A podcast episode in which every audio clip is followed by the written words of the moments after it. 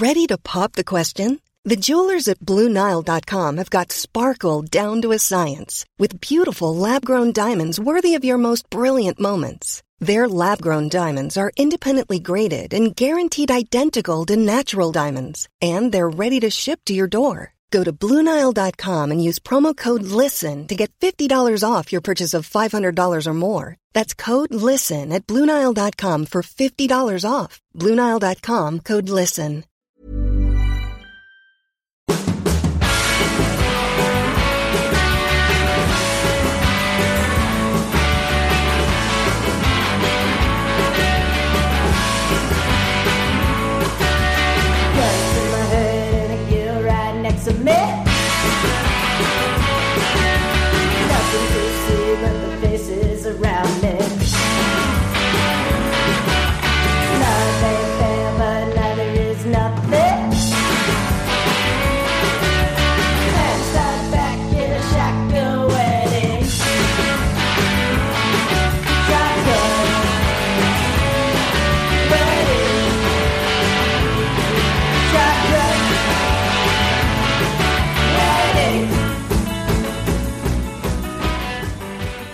Det är dags att summera Indycar-säsongen 2021. Välkomna till Indypodden nummer 101 i ordning- ordningen.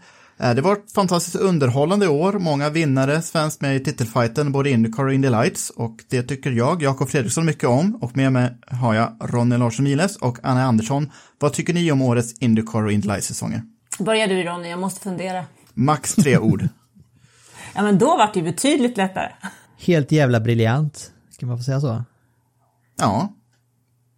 Varför inte? Anna? Jag tycker den var eh, fantastisk, underhållande och överraskande. Fair enough. Men en, tre ord sa vi, fyra där de har räknat hit och. Ja, Det blir mer punchigt. Du, du kan ju sätta rubriker, du, du är ju journalist. jag tänkte inte ett och, jag tänkte ett litet o där liksom bara. Så det var inte ens ett ord, det var bara ett ljud. Aha, okej. Ja, men då är det godkänt då. Ja, men vi är på hyfsat överens om att det var en, varit en kanonsäsong. Ja, på produkten på banan har ju alltid varit det. Eh, Indy Light-säsongen avslutades med en uppvisning av Linus Lundqvist i regnet från Mid-Ohio. Eh, det jag har saknat är kanske lite kontroverser, men vi kommer väl in på lite sånt som vi kan spinna vidare på. Eh, vi kan väl nämna det att Anna, du har ju pratat med Marcus Eriksson. Eh, vi släpper den intervjun lite senare. Men eh, vad fick du för intryck för en intervju med Marcus nu när han fått landa efter säsongen? Min känsla är att han är väldigt nöjd med att han, eh, som han själv säger, har fått ett genombrott. Samtidigt så är han inte alls nöjd, för han är inte nöjd med sin avslutning av säsongen. Och han är inte heller eh, eh riktigt nöjd för att han inte har vunnit mästerskapet. Eh, och det där pratade vi faktiskt väldigt mycket om och tankarna inför nästa år och han avslöjade dessutom att det faktiskt är eh, klart nu. Äntligen är det där förbannade kontraktet undertecknat. Jag har inte varit orolig. Har ni varit oroliga? Alltså tills någonting är skrivet så är man väl alltid lite sådär tveksam tycker jag. För hur många gånger är det inte som att ett kontrakt liksom försvinner när det inte finns någon, underskrift på det? Så att eh, tills allting är färdigt och det som är lite, lite, jag vet inte om jag ska säga läskigt, men det som är lite sådär eh, knixigt, svårt, eh, det är ju att de skriver ju ofta, framförallt i Indycar, flerårskontrakt. Men i de här kontrakten så är det en massa saker som måste uppfyllas saker som vi inte ser. Så även om det liksom står att det är kontrakt på tre år så kan det vara så att det här måste vara uppfyllt och de här pengarna måste betalas och den här sponsorn och det här hitten och ditten och de här små detaljerna. Och de där måste ju lösas efter varje säsong och det är väl det som de har hållit på med här nu. De har hållit på ganska länge så det kan ju inte varit helt enkelt. Tänk om han inte hade haft den här säsongen som han har haft nu och inte hade fått det här genomslaget som han har fått det sista året. Frågan är vad du har haft en Marcus Eriksson på i griden då med tanke på att det blev varit lite, ja, det har suttit lite hårt inne då innan man får till alla delar i det här avtalet då. Han är nog 2020. väldigt nöjd med att han eh, avslutade den här säsongen med eh, två segrar. Han var inte helt nöjd med däremot att han slutade sexa och inte femma, att eh, Colton Hart snodde den där placeringen. För sen får vi se vad vi får se Colton Hart nästa år. Det är ju ganska intressant. Det är en annan sak. Eh, innan vi avhandlar veckans huvudämne, alltså hela säsongen 2021, 2021, så var det ju två veckor sedan vi hördes senast och det har hänt en hel del på silly season. Eh, bland annat Romain Grosjean klar för Andretti och det är just Andretti-stallet det stormar om mest. I och med att de har ju så himla många förare och inte så många bilar och det är snack om att Kyle Kirkwood, Indy Lights-mästaren, han ska ju få köra Indycar nästa år, men i en Andretti-bil där får han ju egentligen inte plats om det inte råkar vara så att Colton Hurta får annat för sig nästa år. Vad tror ni? Ja, det vet vi inte. Det är faktiskt lite kul för att vi hade en intervju med Mario Andretti. Det var väl eh, du och jag Jakob som hade den i februari, början av mars. Och då avslöjade han ju för oss att de tänkte köpa ett FF-team, familjen Andretti, så fort det bara fanns ett till salu. Ehm, och det där pratade vi ganska länge om och eh, nu i september, oktober så är det ju många indicier som pratar för att faktiskt Sauber kan bli amerikanskt nästa år. Och det senaste snacket är ju då att Colton Hurta, om han nu har rätt antal superlicenspoäng, ska dyka upp där till nästa år. Mm, Sauber, alltså Alfa Romeo. Jag har också svårt Ja, för att är just eh, inte säga det, Sauber är längre. det där teamet som håller till i Hinville, så kan vi väl säga då. Ja, precis. Och Colton Hurta vore ju klock, klockren där, men han vore ju klockren i Indycar också, för jag skulle gärna se att han vinner ett Indycar-mästerskap innan han drar vidare på andra äventyr. Ja, i alla fall, ska vi försöka gå igenom andra silly season-nyheter innan vi djupdyker i 2021 då? Ja, som du nämnde Jakob förut, Cal Kirkwood då. Eh, han kommer ju som sagt köra nästa år, frågan är bara var, men eh, han Andretti är väl nära till hans där, men vi har ju Devlin DeFrancesco också, som också var med, kommer från Indy Lights. Han är ju den som kan man säga är den hetaste kandidaten till en av de här platserna i, Andretti. Men klart, skulle Colton Hurta sticka så frågan är om de skulle ta in två stycken juniorer i det teamet. Mm, det är det jag menar, vore. Varför inte? Callum Milot är i alla fall klar för en full säsong i, för Hunkos Racing då. Mm, det blir fint det med en eh, Formel 2-meriterad förare. Och sen har vi Simon Paginot som gör Helo Castroneves sällskap i Meyer Shank Racing. Eh, Jack Harvey är äntligen klar för Rahal Letman Lannigan. Eh, bil nummer 45, alltså den nya bilen, den som Ferrucci, Lundgård och Askew har kört i år, inte bil nummer 30 som Takuma Sato rattat. Sato kommer gå vidare, så frågan är nu vem som tar över just den bilen som Sato har hållit varm senaste åren. Och eh, Ja, jag trodde att Takuma, jag trodde att Takuma Sato skulle tacka för saken nu då och dra sig ur Indycar men nu ryktas ju han ju, han är inte borträknad för Indycar för det, han kan ju ta över Roman Grosjeans styrning i Dale Coyne ju de senaste ryktena också Honda-stall, så det skulle ju passa Sato perfekt. Och sen Dale Coyne Racing, så det är fler rykten som kretsar kring det här stallet.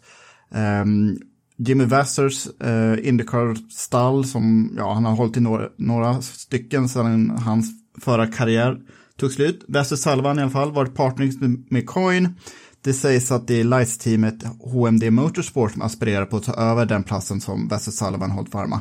Vilket i så fall bäddar för Indy Lights 2 det vill säga, det vill säga David Malukas, Linus Lundqvists stallkamrat. Eh, och Malukas har ju hållit jättehög nivå hela året, så skulle också passa bra som en Indycar Rookie 2022. Men de som tänker då att kanske Linus Lundqvist borde också kunna vara aspirera på en plats där i och med att han är HMD har en association till HMD där men det känns väl ändå som att David Malukas det är ändå hans det är ju ändå pappan hans som håller i det teamet så att det är väl han som är först han har bra backning. Mm, precis.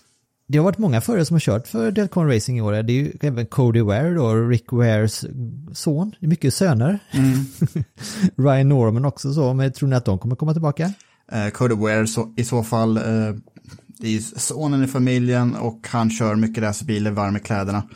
Eh, men kanske hans hjärta ligger närmare Nascar än vad gör Indycar, så låt se. Eh, ifall det krävs ett inhopp någonstans så tror jag Cody Ware ligger, ligger nära. Sen är ju frågan också om till exempel Carlin kommer eh, vara tillbaka nästa år. Det har ju varit lite rykten om att de eventuellt ska sälja sin, sina bilar eller sin bil och kanske till och med redan har det. Indy Lights eh, teamet kanske inte heller fortsätter i den här i sin befintliga form. Men det kan ju bli så att Carlin blir en sånt kallat då, inte ett, inte ett eget team utan blir alltså typ jobba tillsammans med ett annat team då och blir motsvarande Rick Ware Racing för något annat team. Och, sådär.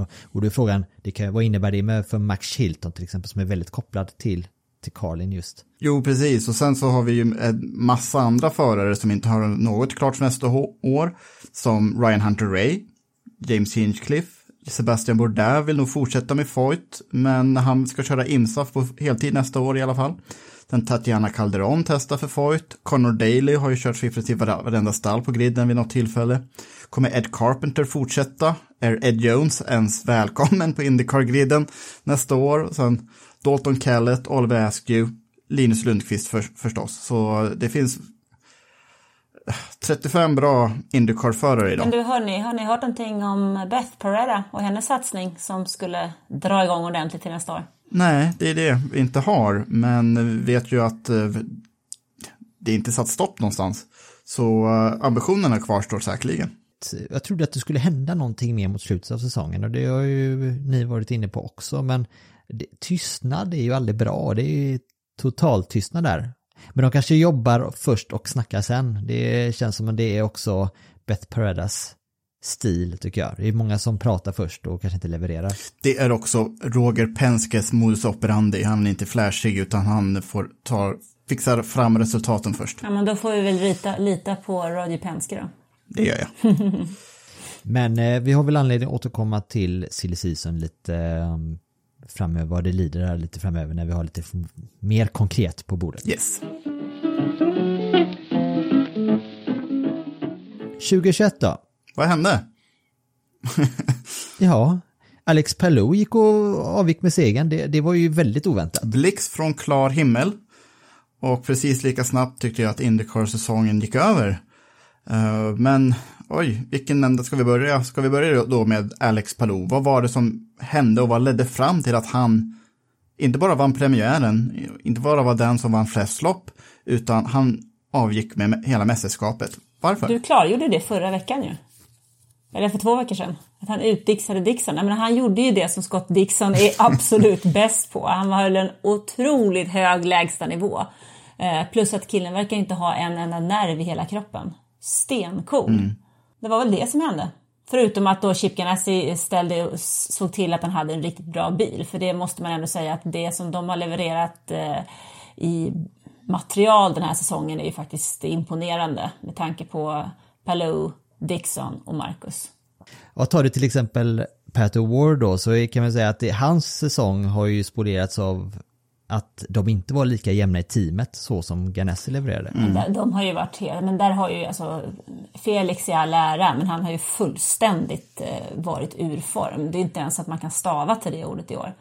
Eh, hans säsong har ju varit rent ut sagt bedrövlig. Och eh, ser man då ett team som har tre bilar topp 6 och i det andra teamet då så har vi en bil topp och en annan bil som är nere och sladdar någonstans där han nog i sina vildaste mardrömmar inte trodde att han skulle vara inför säsongen så är det klart att det gör en viss skillnad. Um, och alltså jag, jag måste säga att jag faktiskt är imponerad över det som Chip Ganassi Racing eh, levererar i år och på den höga lägstanivå som Palou har haft och den styrka som han ändå visat både i kval och i race. Han har liksom alltid funnits där, alltid smugit med, aldrig liksom på något sätt, vad jag kan minnas i alla fall, riktigt gjort bort sig. Utan man liksom kunde vara säker på att Ante, han är bara där liksom.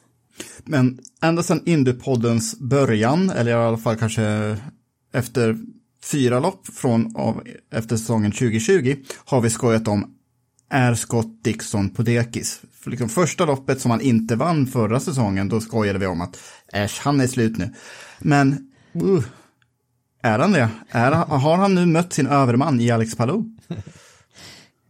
Det är lite orättvist där för se, han, ser man de sista racen här, vad blev han de två sista avslutande racen? Portland 3, Laguna Seca 8, Long Beach 2. Och vi säger, hade vi vänt och vi säger att Marcus Eriksson hade avslutat med en tredje plats, en, en åttonde plats och en andra plats. Då hade man ju varit, eh, det hade varit halleluja.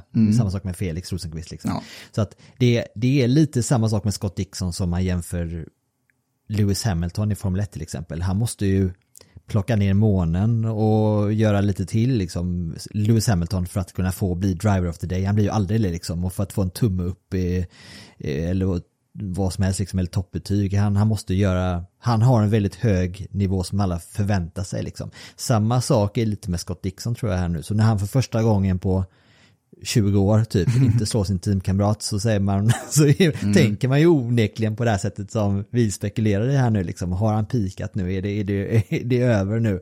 Men eh, han har ju, levererade ju en stark avslutning också. Det var bara att andra var lite vassare Så i år. han, han är ju inte slut. Han kommer antagligen vara sjukt taggad till nästa år.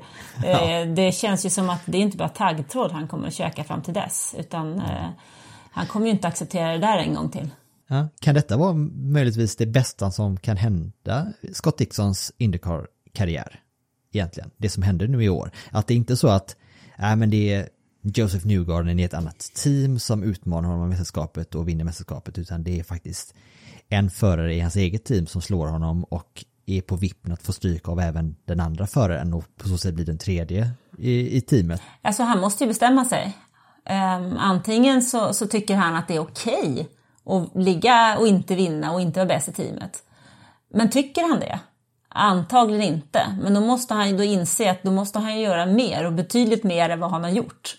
Eh, och då är ju frågan när man är plus 40, eh, hur gör man då? Då kan man ju inte mesa utan antingen så får man ju verkligen göra allt och lite till och lyckas och sen kan man säga tack och hej, nu är jag klar. Eh, men det är svårt att tänka mig att han gör det innan han känner att han verkligen är klar.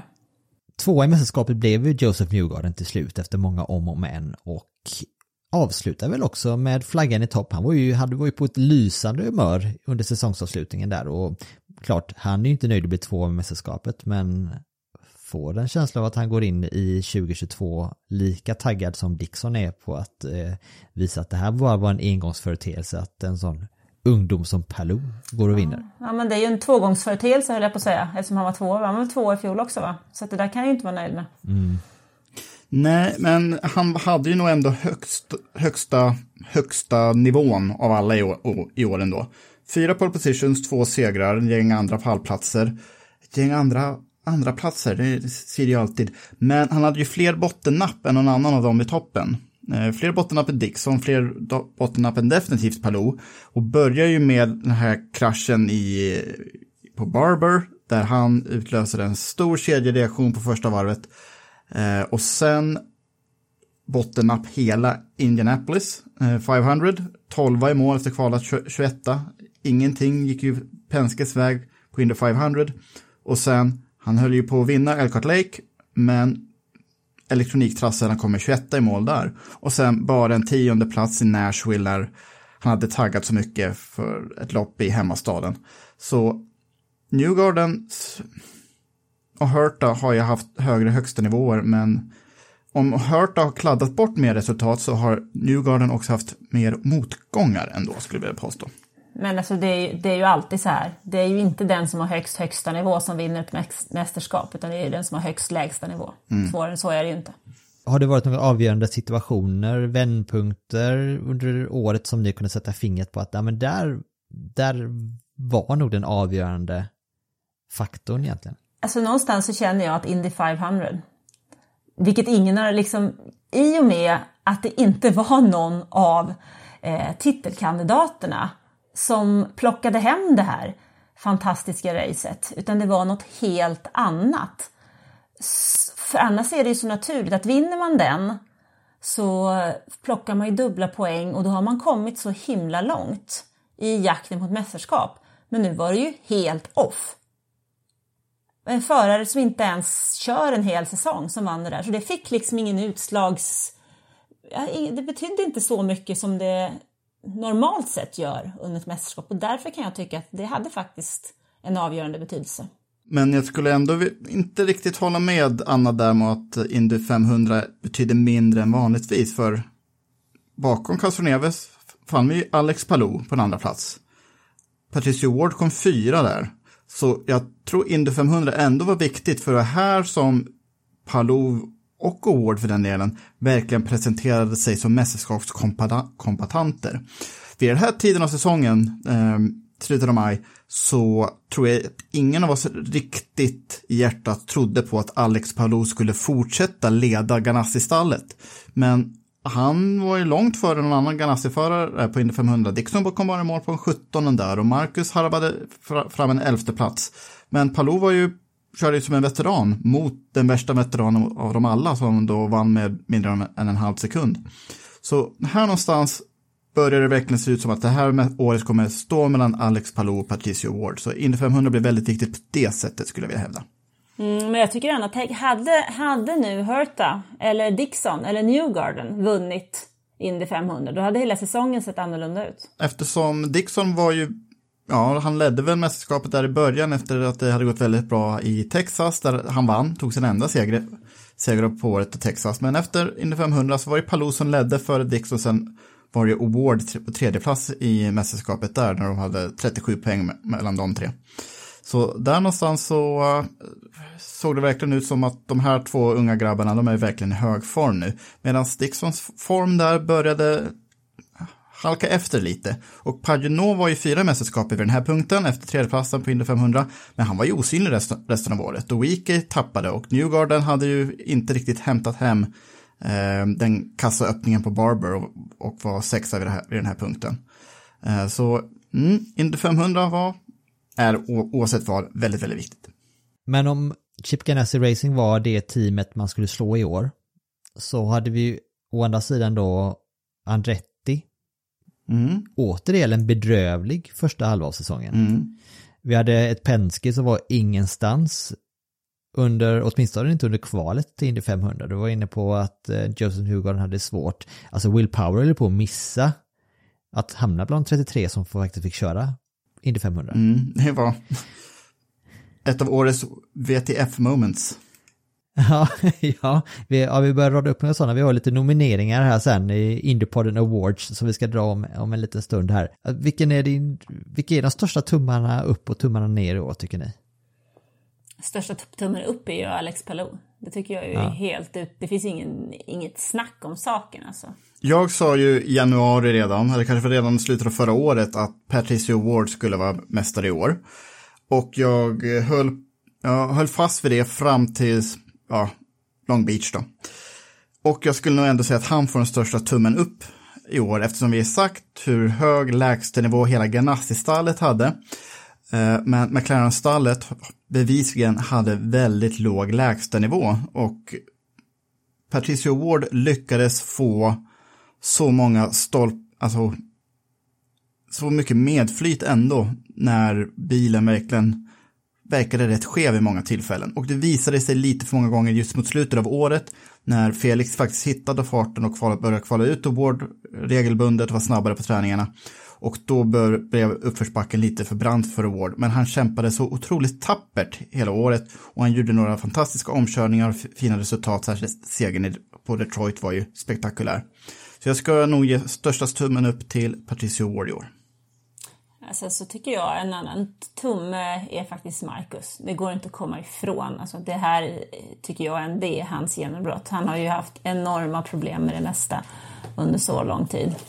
Håller helt och hållet med där och vi har pratat, naturligt har det blivit så att man pratat mycket om Marcus eh, under hela året där och det det har varit intressant också att höra honom, honom i eh, racekommentarerna han haft eh, i, i podden. Nu känns verkligen självförtroendet han har genuint rakt igenom, alltså det, han kommer inte nöja sig med någonting annat än en mästerskapsseger nästa år. Och bara göra den resan från att ha varit i- det här var ett det så kallade make it or break it året för Marcus Eriksson så är det ju så att han är ju han har fått extremt mycket tv-tid kan man säga. och vilket är naturligt med tanke på att han har varit med där uppe och fightat så pass mycket då. Eh, jag tänker, en annan förare, Romain Grosjean har ju ändå snott rampljuset lite i år, även om han har haft en säsong som har varit upp och ner, så har det någon form av kombination mellan hans entusiasm över att vara i Indycar och det är såklart att han har kört Formel 1 då och har blixtrat till rejält eh, många gånger har gjort att han har blivit en av de stora snackisarna i år också. Vad är, har han gjort en godkänd rookie-säsong tycker ni? Tycker jag absolut att han har gjort. Eh, Med tanke på vad han eh, var med om förra hösten så känns det som att eh, vi ska vara glada att han överhuvudtaget sitter i en racerbil igen. Jag eh, gillar ju att vara hård mot folk och eh, eh, jo visst, När då? alltså pole position i sitt tredje lopp och sen tre pallplatser under säsongen men så fortfarande lite för mycket krascher för Romain Grosjean och han är ju inte yngst, han är väl runt 35 va? Och eh, jag tror inte att han kommer någonsin träna bort det här att inte krascha så mycket. Takuma Sato är också en vilding som är nästan tio år äldre. Så det, det, det oroar mig lite om han ska vara med och slåss om mästerskap. Sato har ju vunnit Indy 500 ett par gånger och några andra lopp har han vunnit Long Beach.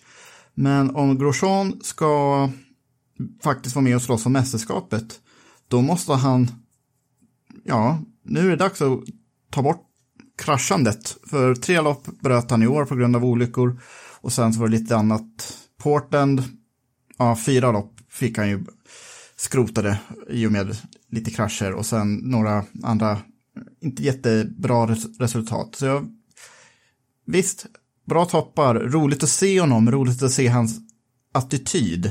Men eh, fortfarande färre krascher. Tack. Fast eh, det var ju faktiskt inte det som var frågan. Frågan var ju att man hade gjort en eh, okej okay debutsäsong. Mm, ja, jag vet inte. jag kan inte svara på den frågan rakt av. Jag menar, om vi tittar på den andra rookien då, som eh, varit mycket snack om och faktiskt skulle slå som Rook of the Year-titeln och var meningen att ta ut den på förhand, Scott McLaughlin. McLaughlin har ju varit åt andra hållet. Han har ju inte haft jättehöga toppar, en andra plats, lite småturligt i Texas, eh, men inte spektakulär. Och jag vet inte vad, vad jag skulle föredra själv. Vill jag vara spektakulär men göra bort mig lite, lite för ofta eller ospektakulär och lite tråkig? Jag vet inte.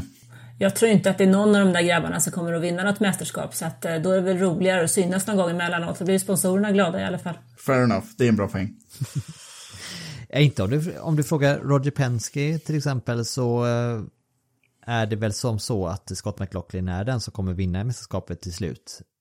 Frågan är bara, har han år, åren på sin sida? Hur för hur gammal är han? han är, är han 28 eller 29? Det är ingenting.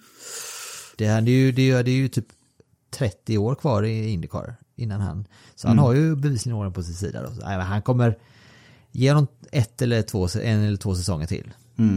Då är jag lite mer tveksam eventuellt till Roman Grosjean då. Det, men det ska bli kul att se honom här nu i ett toppteam nästa år och se om han kan polera bort lite av den här, den här järnfjärten han slår till med ibland. Till exempel då, vi tar Laguna Seca då, och bara ren entusiasm så han höll ju på att plocka bort både sig själv och Jimmy Johnson till exempel i korvskruven där. Där det var helt, han, det bara brinner till i huvudet på honom liksom. Han hittar inte riktigt den här lagom nivån någon gång. Men är man i ett toppteam och börjar leverera riktigt bra från första början så kanske han det ska bli, det var kul att se en Roman Grosjean som har någonting att köra för och se vad det gör med honom. Och det kommer han att ha med DOL-styrningen hos Andretti och den är ju det är ju bara en enda som har haft den innan, det är ju Ryan Hunter Ray som var där i 12 år och nu är stora mantlar att axla för Romain Grosjean där. Ready to pop the question? The jewelers at BlueNile.com have got sparkle down to a science with beautiful lab grown diamonds worthy of your most brilliant moments. Their lab grown diamonds are independently graded and guaranteed identical to natural diamonds, and they're ready to ship to your door. Go to BlueNile.com and use promo code LISTEN to get $50 off your purchase of $500 or more. That's code LISTEN at BlueNile.com for $50 off. BlueNile.com code LISTEN. Planning for your next trip? Elevate your travel style with Quince. Quince has all the jet setting essentials you'll want for your next getaway, like European linen, premium luggage options, buttery soft Italian leather bags, and so much more. And it's all priced at 50 to 80% less than similar brands. Plus, Quince only works with factories that use safe and ethical manufacturing practices. Pack your bags with high-quality essentials you'll be wearing for vacations to come with Quince. Go to quince.com slash trip for free shipping and 365-day returns. Det du var inne på Jakob, Mm. om Felix Rosenqvist, hur han har ju haft, ja, katastrofal säsong, rent resultatmässigt. Men de här tendenserna han visade mot slutet av säsongen, just att han slog Pat Award i kval, han var snabbare än honom vid många tillfällen. Anna, är det verkligen så svart som det verkar? Det där är ju en klurig fråga. Eh, för att resultaten har ju faktiskt varit bedrövliga. Men jag tror ju faktiskt att det är så att den här bilen som, som de kör, den har ju absolut inte funkat för Felix. Eh, han har ju försökt att fixa till den på ett sätt så att den funkar för honom. Men det är ju inte så himla mycket du kan göra med en Indycar-bil för att utveckla den under säsongen. Och den bilen har ju Pat Award eh, tydligt kommit betydligt bättre överens om, han är, mm, eller överens med. Han är ju en, en helt annan typ av förare. Alltså han är en mycket aggressivare förare och han känns ju lite liksom också, det är topp eller flopp i hela hans sätt att vara där och där tror jag nog att för Felix del så är det alltså ny säsong Alltså du måste fixa till. Han kom till teamet den här säsongen och så mycket, mycket jobb har han inte kunnat göra inför. Och han måste ju göra det jobbet och göra det nu och inte liksom tre race in på nästa säsong för då är det för sent. Så jag skulle säga att det är det som är. Sen så, alltså ibland så har man ju en jävla skitsäsong. Det är inget konstigt. Så är det väl eh, många av oss som har haft på jobbet också.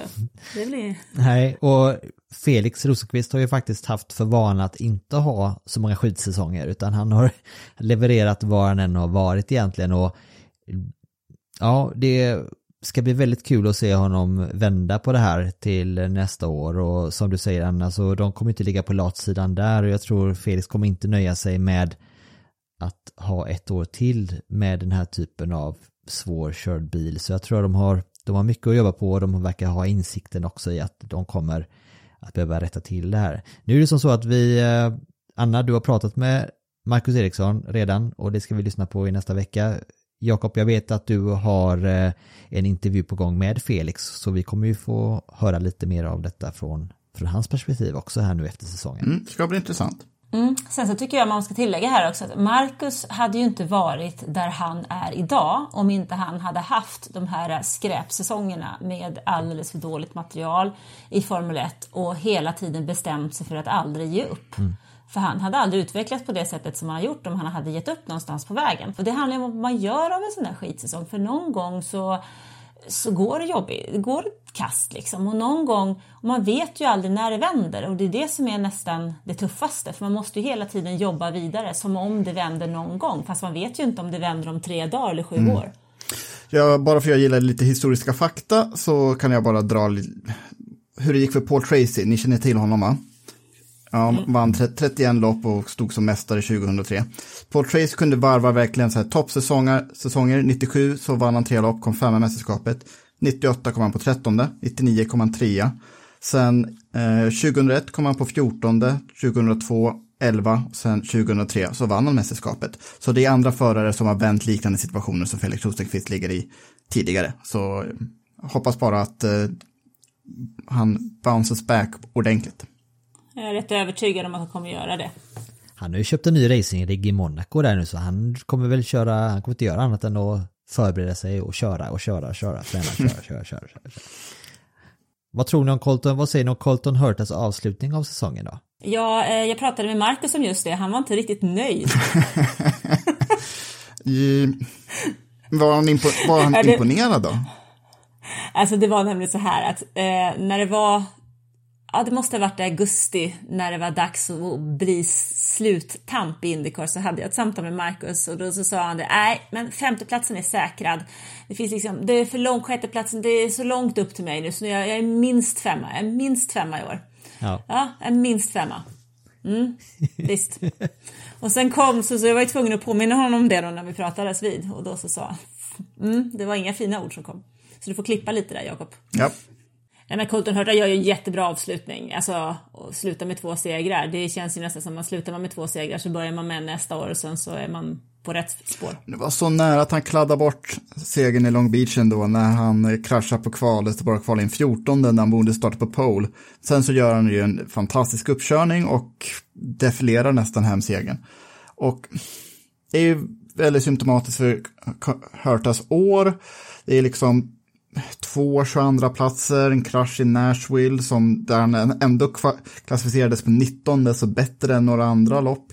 Och sen Mid-Ohio där depåstoppen bara var total katastrof, den blev 13. Gateway bryter han med tekniska problem, det gör han även i Texas och Indy 500 var han ingenstans vid en 16 plats där efter att kvala två. Så det är verkligen upp och ner för Hurta. Bäst kvalsnitt med råge av alla i fältet. Eh, men han har en hel del att uträtta fortfarande i Indycar. Jo men alltså, han är född år 2000. Ja, Påminner den killen om någon annan kille som slåss om mästartitel i en annan motorsport just nu eller? Alltså han har ju tid på sig. Max Verstappen när han var 17, 18, 19, 20, alltså hur många missar gjorde inte han? Någonstans så måste du lära dig. Har du inte fått lära dig innan du kommer upp i kungaklassen så får du ju lära dig mm, det där. är sant. Så att alltså han är fasen, Dixon hade kunnat vara farsa till den här killen. Det Jag har hört att- Jag har ryktesvägen att Dixon är farsa till den här killen. Har du hört det? Ja men det syns väl, gör det inte det? Nej men alltså det jag menar är ju att han har ju väldigt mycket men det han inte har är erfarenhet och det är helt okej när man är 21. Ja, han har ju nästan visat prov på högst, högsta nivå.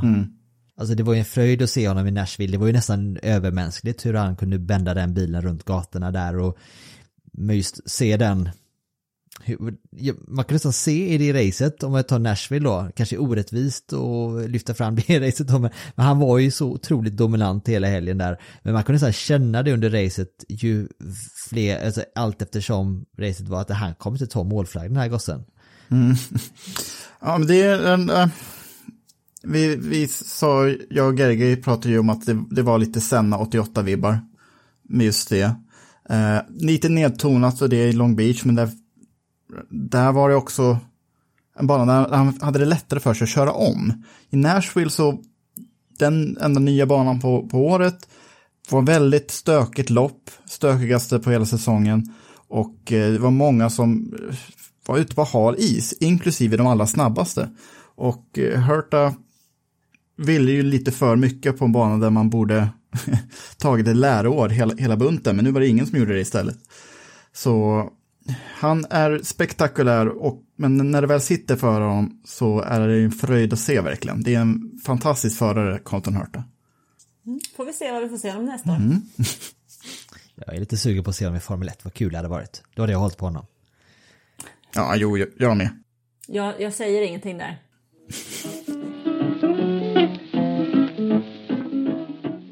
Ska vi landa i eh, årets upplaga av Indiepodden Awards då? Ska vi köra en liten vignett på det kanske?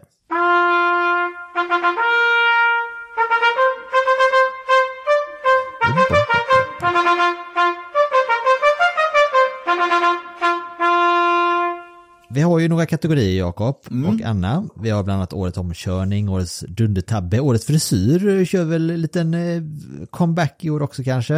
Eh, en kategori vi inte har det är ju årets race, men eh, vi kanske ska bara så här, kolla läget så. Har ni, hade ni något favoritrace i år? Indy 500. Indy 500. Indy 500. Den är ganska Så, tagen. då var det av... Jag trodde faktiskt något av er skulle säga Nashville ändå. Nej, det finns inget mer att säga. Det var årets race. Punkt, färdigt. Slut. Pang på.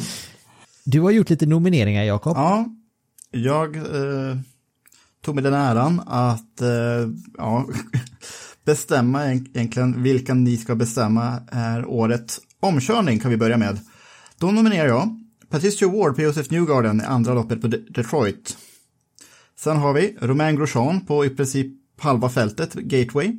Lite olika varianter på omkörningar, men det, det var ju särskilt populärt på ut, utsidan in i kurva 3. Var väldigt snyggt av en så oerfaren på val. Och sen Scott McLaughlin på Max Chilton i Nashville. Ni vet när han får ett jättekast på över bron in i inbromsningen eh, där nere i nedförsbacken. Och det är så nära att han, han eh, vänder runt bilen, men istället kör han faktiskt om Max Chilton där. Så vad, vad tycker ni? Klassiskt kod brun ögonblick alltså. Mm. Kan, vi, kan du dra lite mer eh, detaljer kring Award på Newgarden i Detroit bara? Vilken var det? Eh, tre varv kvar, omstart, Newgarden i och för sig på gamla däck.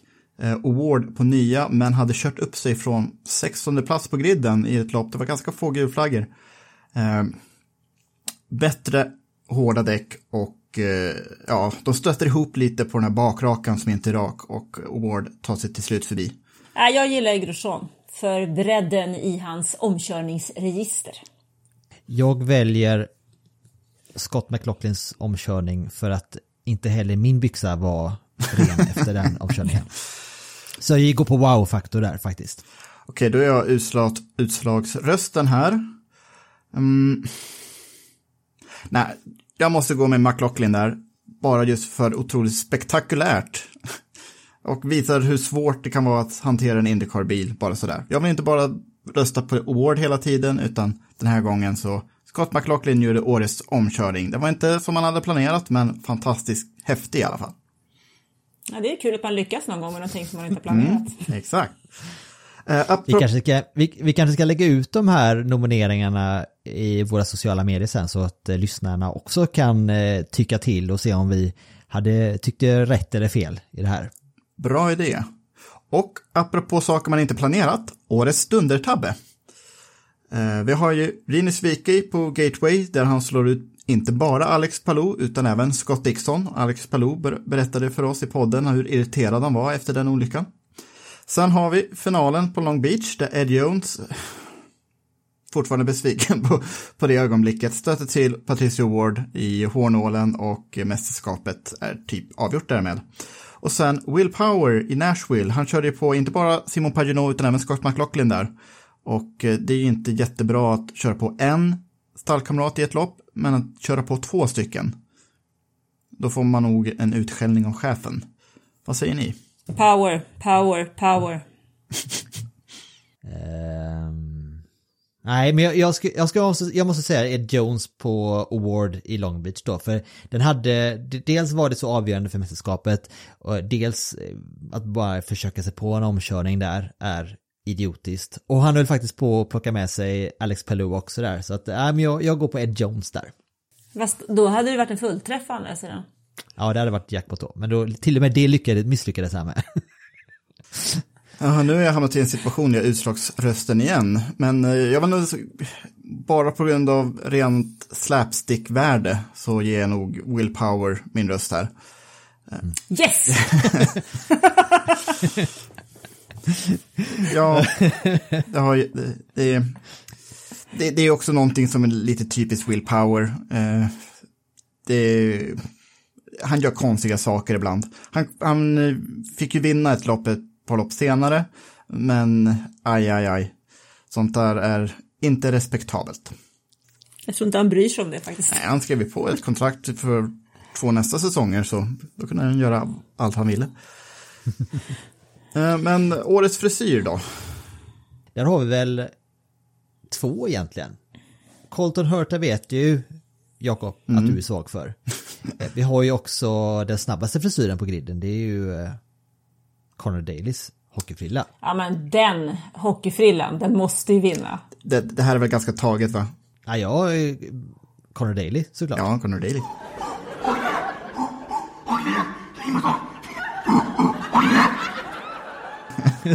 Då klubbar vi igenom det. Yes. Ja, men om vi tar årets uppkörning då. Lite mer racingrelaterat igen. Eh, vi har eh, Colton Hurta i Long Beach. Vad var det han kom ifrån för position där när han körde upp sig? 14 plats. Just det. Vi har ju Marcus Eriksson i Nashville såklart, där han först körde upp sig ungefär 20 meter upp i luften innan han kraschade tillbaka och hamnade längst bak och sen körde upp sig och vann då såklart. Och så har vi eh, Pat O'Ward i Detroit i race 2 där och vad startade han från för position där? Eller vad, vad var han när han var som längst bak? 16 plats vid starten. Jag röstar på Marcus. Jag gör inte det. Bara det att eh, Marcus depåstrategi var ju sättet han vann det loppet på. Eh, Det följer honom helt i händerna. Medan Colton Hurton Long Beach, han körde ju upp sig på banan och det tycker jag är värt väldigt mycket i, när man ska utse årets uppkörning.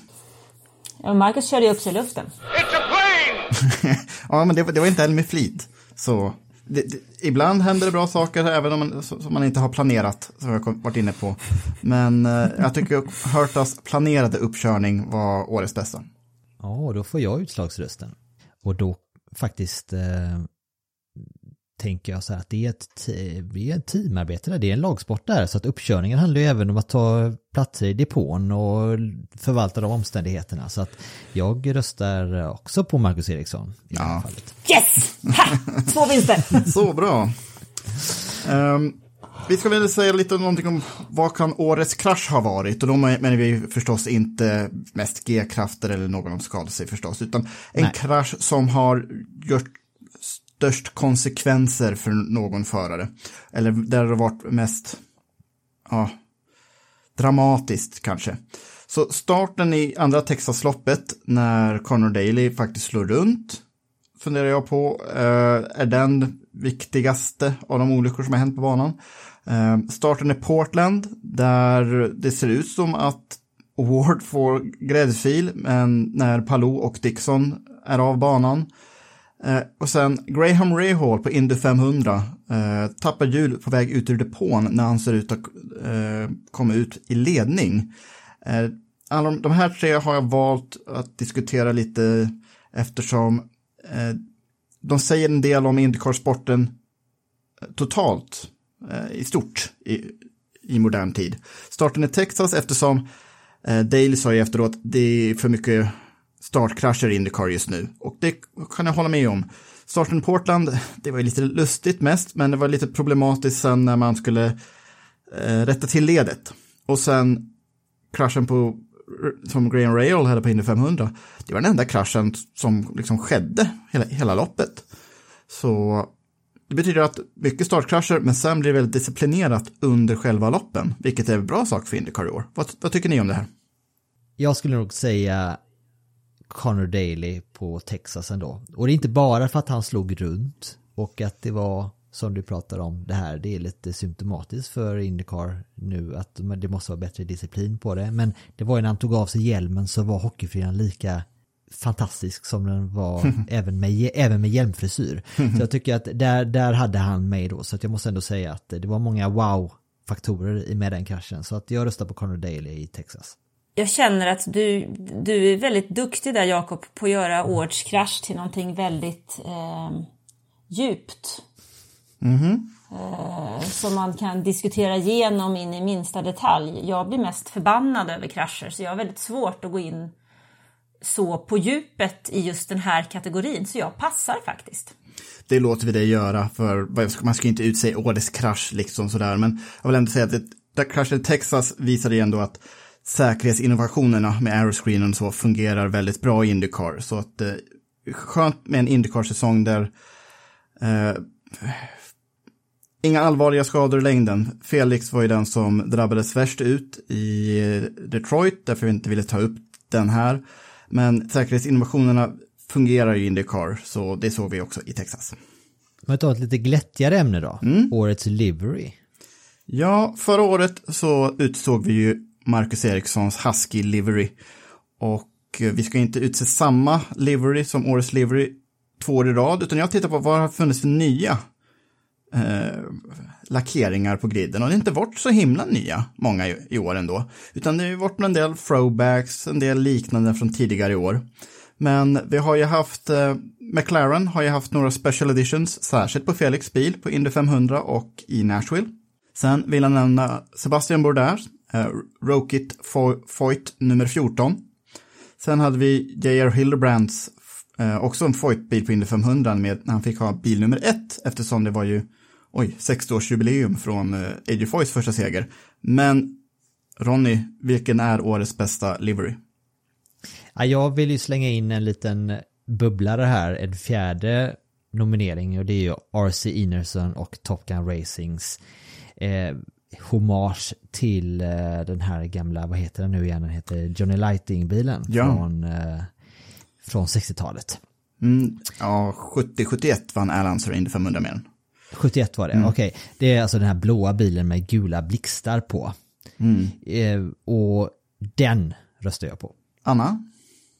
Jag röstar på McLaren. Och det är helt enkelt för att jag har ju min bas i en annan eh, racingserie i Formel 1. Eh, och jag gillar faktiskt att vi har ett team som finns representerat både i Indycar och i F1 De har dessutom ser att de hör ihop.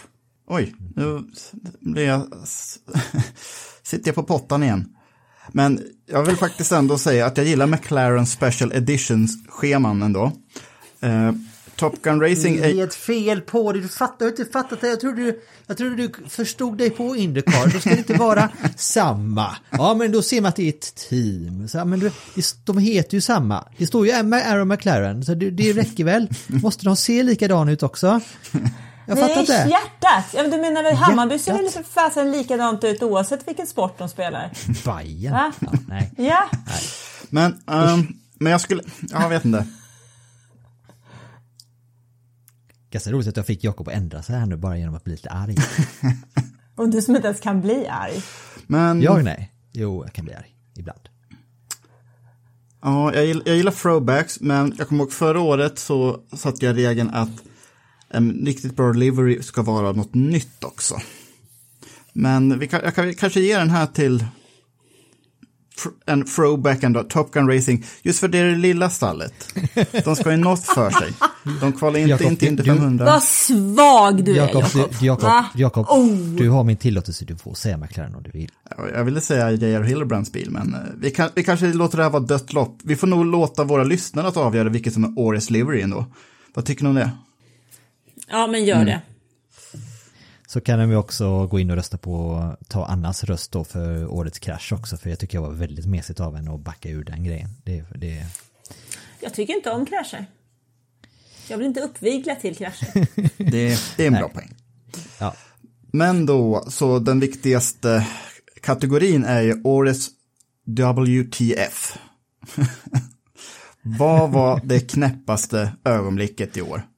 Var det, är det verkligen taget med Marcus flygtur i Nashville? Eller är det att Alex Palou blev mästare? Har vi ingen tredje kategori, al- alternativ där? Ingen olycka på banan på Indy 500 var väl väldigt bra. F- förvåning. Jo, men det var ju men det var inte så roligt, det var ju ingen WTF kanske, inte tillräckligt mycket, Helo Castroneves då?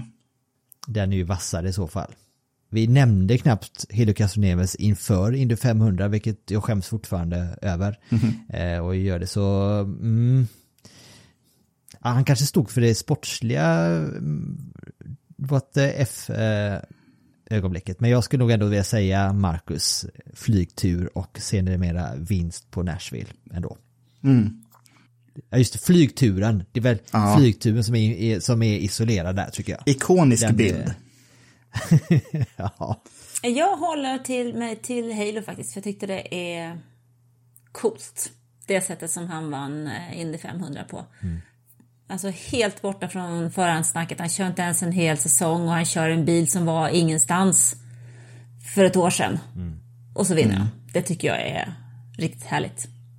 Jag är också så här att eftersom jag avskrev Alex Palou på förhand så himla mycket så jag får nog ta på det att det är årets ja, häftigaste ändå. Att Palou ble- blev så pass värdemästare. Så stabilt, fantastiskt kört och eh, eh, vi får väl helt enkelt inte hålla med varandra om vad som årets WTF är, men eh, det är ju ett antal fina moment vi snackar, snackar upp i alla fall. Men jag köper faktiskt alla tre i det här fallet. Ja. Jag tycker alla tre är klockrena. Ska vi enas om att det är dött lopp mellan de här tre då? Jag är på. Ja det är det, det, är det ju, om vi alla tre röstar på varsin. Så att det, det, det kanske är ytterligare en fråga som eh, lyssnarna får avgöra då. Ja. Få utslagsrösten i. Mm. Sen hade du en bra kategori Anna som du slängde in som en liten bonus här nu i eftermiddags. Ja, men jag tycker ju faktiskt att vi ska eh, plocka fram eh, årets svensk också. Och vilka har vi nominerade där då? Vi har eh, Marcus Eriksson va? Marcus, Linus Lundqvist tycker jag. Felix Rosenqvist eh, har väl också kört i år. Vi har Rasmus Lind också. Vi har Mattias Jönsson eh, i Penske som eh, chefsmekaniker där. Det är ju fem. Vi har Oliver Askew, fem och en halv. Ehm, ska vi nominera Stefan Lillövers Johansson också bara för att han är den han är och är där han är? Ja, varför inte? Ja, det är ju sjukt. Ja, vad- vem, vem, vem, vem tycker ni då? Årets svensk? Det var någon av, av er som sa för, ungefär en halvtimme sedan att det har varit Marcus Erikssons genombrottsår. Så ja, Marcus. Två segrar, Marcus. Ja men då sätter jag väl Linus Lundqvist som årets svensk då, för det var ju verkar man säga två stycken som fått det stora genombrottet i år inom amerikansk racing då. Mm. Då var det ju Marcus då såklart. Eh, men jag sätter min oss på Linus och hur, eh, framförallt hur han avslutade här nu i sista racet på Mid Ohio. Jag tycker det var briljans i hur han levererade i, i vätan där när alla var överallt på banan och sladdade och, och kraschade så här så höll han ihop det hela vägen. Så att ja, han har gett ett avtryck i år så att eh, min röst är ändå på Linus Lundqvist. Mm. Ska vi prata lite Indy Lights då innan vi avrundar med att gå igenom eh, topp 10, Rookie of the Year och vad svenskarna hamnar i Indycar-mästerskapet. För jag tittade också på Indy Lights-finalen och tv-sändningen var ju inte en tv-sändning om man kollar på direktsändning på YouTube, utan det, det här var ett lopp utanför Indycar, det vill säga fanns inte sådana tv-kameror redo att fånga. Men man hade ju live-timing på, på skärmen i alla fall och då såg man ju ett stundtals var Lundqvist uppemot fem sekunder snabbare än någon annan på banan. Och det är ju rätt häftigt att bara vara det. Eh, säsongen i, eh, säsongen i stort är, tycker jag, Indy Lights, det, det, det, det är ju ett problem Eh, som de har, det är att det, är väldigt begränsat med omkörningar och när väl racet sätter sig så är det inte så mycket nödvändigtvis som händer. Eh, men det har ju, alltså så som Cal Kirkwood gjorde sin säsong med att det är ganska signifikativt för honom för det var samma sak när han körde mot Rasmus Lind i, eh, serien under här nu för två år sedan. Rasmus hade den starkaste inledningen, Cal Kirkwood kom liksom efterhand och var jättestark på slutet då. Så att jag, jag hade liksom aldrig räknat ut honom överhuvudtaget. Men eh, jag tycker det har ju varit tre förare som har dominerat det här. Vann varenda lopp va? Och eh, visar ju att Indy Lights är en bra skola för man lär sig köra racerbil med de här bilarna. Och jag tror alla tre kommer dyka upp i Indycar om ett år eller två. Överlag ett starkare startfält i år och kommer nog förmodligen bli ännu starkare och ännu bredare nu när Jordi Penske och hans gäng även tar över se- den serien inför 2022. Mm, det kan bara innebära bra saker för Penske är ju inte någon som är flashig utan han eh, ser till att saker händer i bakgrunden först och främst. Och sen för att nämna Rasmus Lind också så hade han ju det var ju, gjorde ont i hjärtat när han inte kom till start i början av säsongen. Eh, hoppades att han skulle få göra ett inhopp, vilket faktiskt blev nu då i Hunkos Racing, vilket är ju i sig en otacksam uppgift med tanke på att Hunkos har haft ett tufft år. De har ju liksom fått bygga upp ett team inför i år som på nytt liksom. Och så, här, så att det har ju varit en startsträcka där, men han visade ju prov på bra, bra fart och det är inte så konstigt att han inte liksom fick till kvalen helt 100% med tanke på att detta har varit en omställning för honom. Eh, Just att komma underfull med, med däcken i år då. Men eh, en fullt godkänd insats får jag ändå säga av Rasmus Lind också och vi hoppas att vi ser honom nästa år. Och han vann i LMP3 på Virginia i helgen som var efter en fantastisk snurrning. Ja, och en helt briljant omkörning på sista varvet där. Så att ja, han, han levererar IMSA också. Tror, kommer vi se Linus och Rasmus på startlinjen i Indy Lights 2022 tror ni? Vi kan väl hoppas på det i alla fall. Och om, om inte Linus och Rasmus i Lights så i alla fall Rasmus i Lights, Linus i Indycar. Ska vi dra avslutande slutställning här nu, topp 10 i Indycar, vem som blev Rookie of the Year? Ja, Alex Palou. Efter lite om och men i slutet av säsongen. Eh, Portland var ju lite för spännande, men kom ut med segern där och sen så tog han hem även fina resultat de två sista loppen. Han vinner på 549 poäng. Joseph Newgarden, tvåa, 511 poäng, så det blev en ganska beskedlig eh, distansen då mellan nästan de två mästerskapet. Pat Award tappar mot slutet ner till en tredjeplats i mästerskapet på 487 poäng. Och sen Scott Dixon, lite osynlig, men som vi säger, eh, en annan förare skulle ju, kan ju bara drömma om hans resultat fortfarande. 481 poäng. Colton Hurta avslutar ju superbra, 455 poäng, så han lägger 20 poäng mellan sig och Marcus Eriksson som kommer sexa på 435. Sen så blir... Bu, bu. Usch! Sen eh, sjunde plats, Graham Rahal som stabil säsong. Eh, Inget bra kval från hela stallet. Eh, Takuma Sato hade typ också typ sämsta kvalsnittet av nästan alla heltidsförare. Och det var där Rahal tappade väldigt mycket, inte bara kraschen på Indy 500. 389 för Rahal, 6 poäng för Simon Pagenaud, 383. Sen Will Power, ändå räddade topp 10 mästerskapet på 357 poäng och sen 10 Alexander Rossi på 332. Och Rookie of the Year gick ju till slut då till Scott McLaughlin eh, för på en 14 plats i mästerskapet och det blev ju väldigt jämnt mellan honom och Grosjean då som slutade på 15 plats där men jag får ändå säga det att det är starkt av Grosjean ändå med tanke på att han, han körde ju inte full säsong i år. Det är ju annorlunda 2022 då, ska det bli intressant att se. För 2022 års del ser vi också fram eh, emot Felix Rosenqvist får bättre resultat än den 21 plats som det blev i år med 205 poäng. Det lägger vi bakom oss och, och glömmer nu och bara blicka, blicka framåt. Ja. Eh, och tyckte ni inte att vi pratat tillräckligt om Marcus Eriksson och Felix Rosenqvists säsong här nu så kommer det nu i en dubbelintervju i nästa vecka. Eh, så det kan ni se fram emot då när Anna och Jakob har pratat med respektive förare. Och eh, ja, med det så lägger vi väl 20, säsongen 2021 till handlingarna och tackar våra samarbetspartners Automotorsport och tickerracing.com och glöm inte att ni alltid har 20% rabatt i webbshoppen på stefanjohansson.art när ni anger rabattkoden. Indiepodden. Tack Anna och Jakob för den här veckan. Tack Anna, tack Tack, Ronny. tack.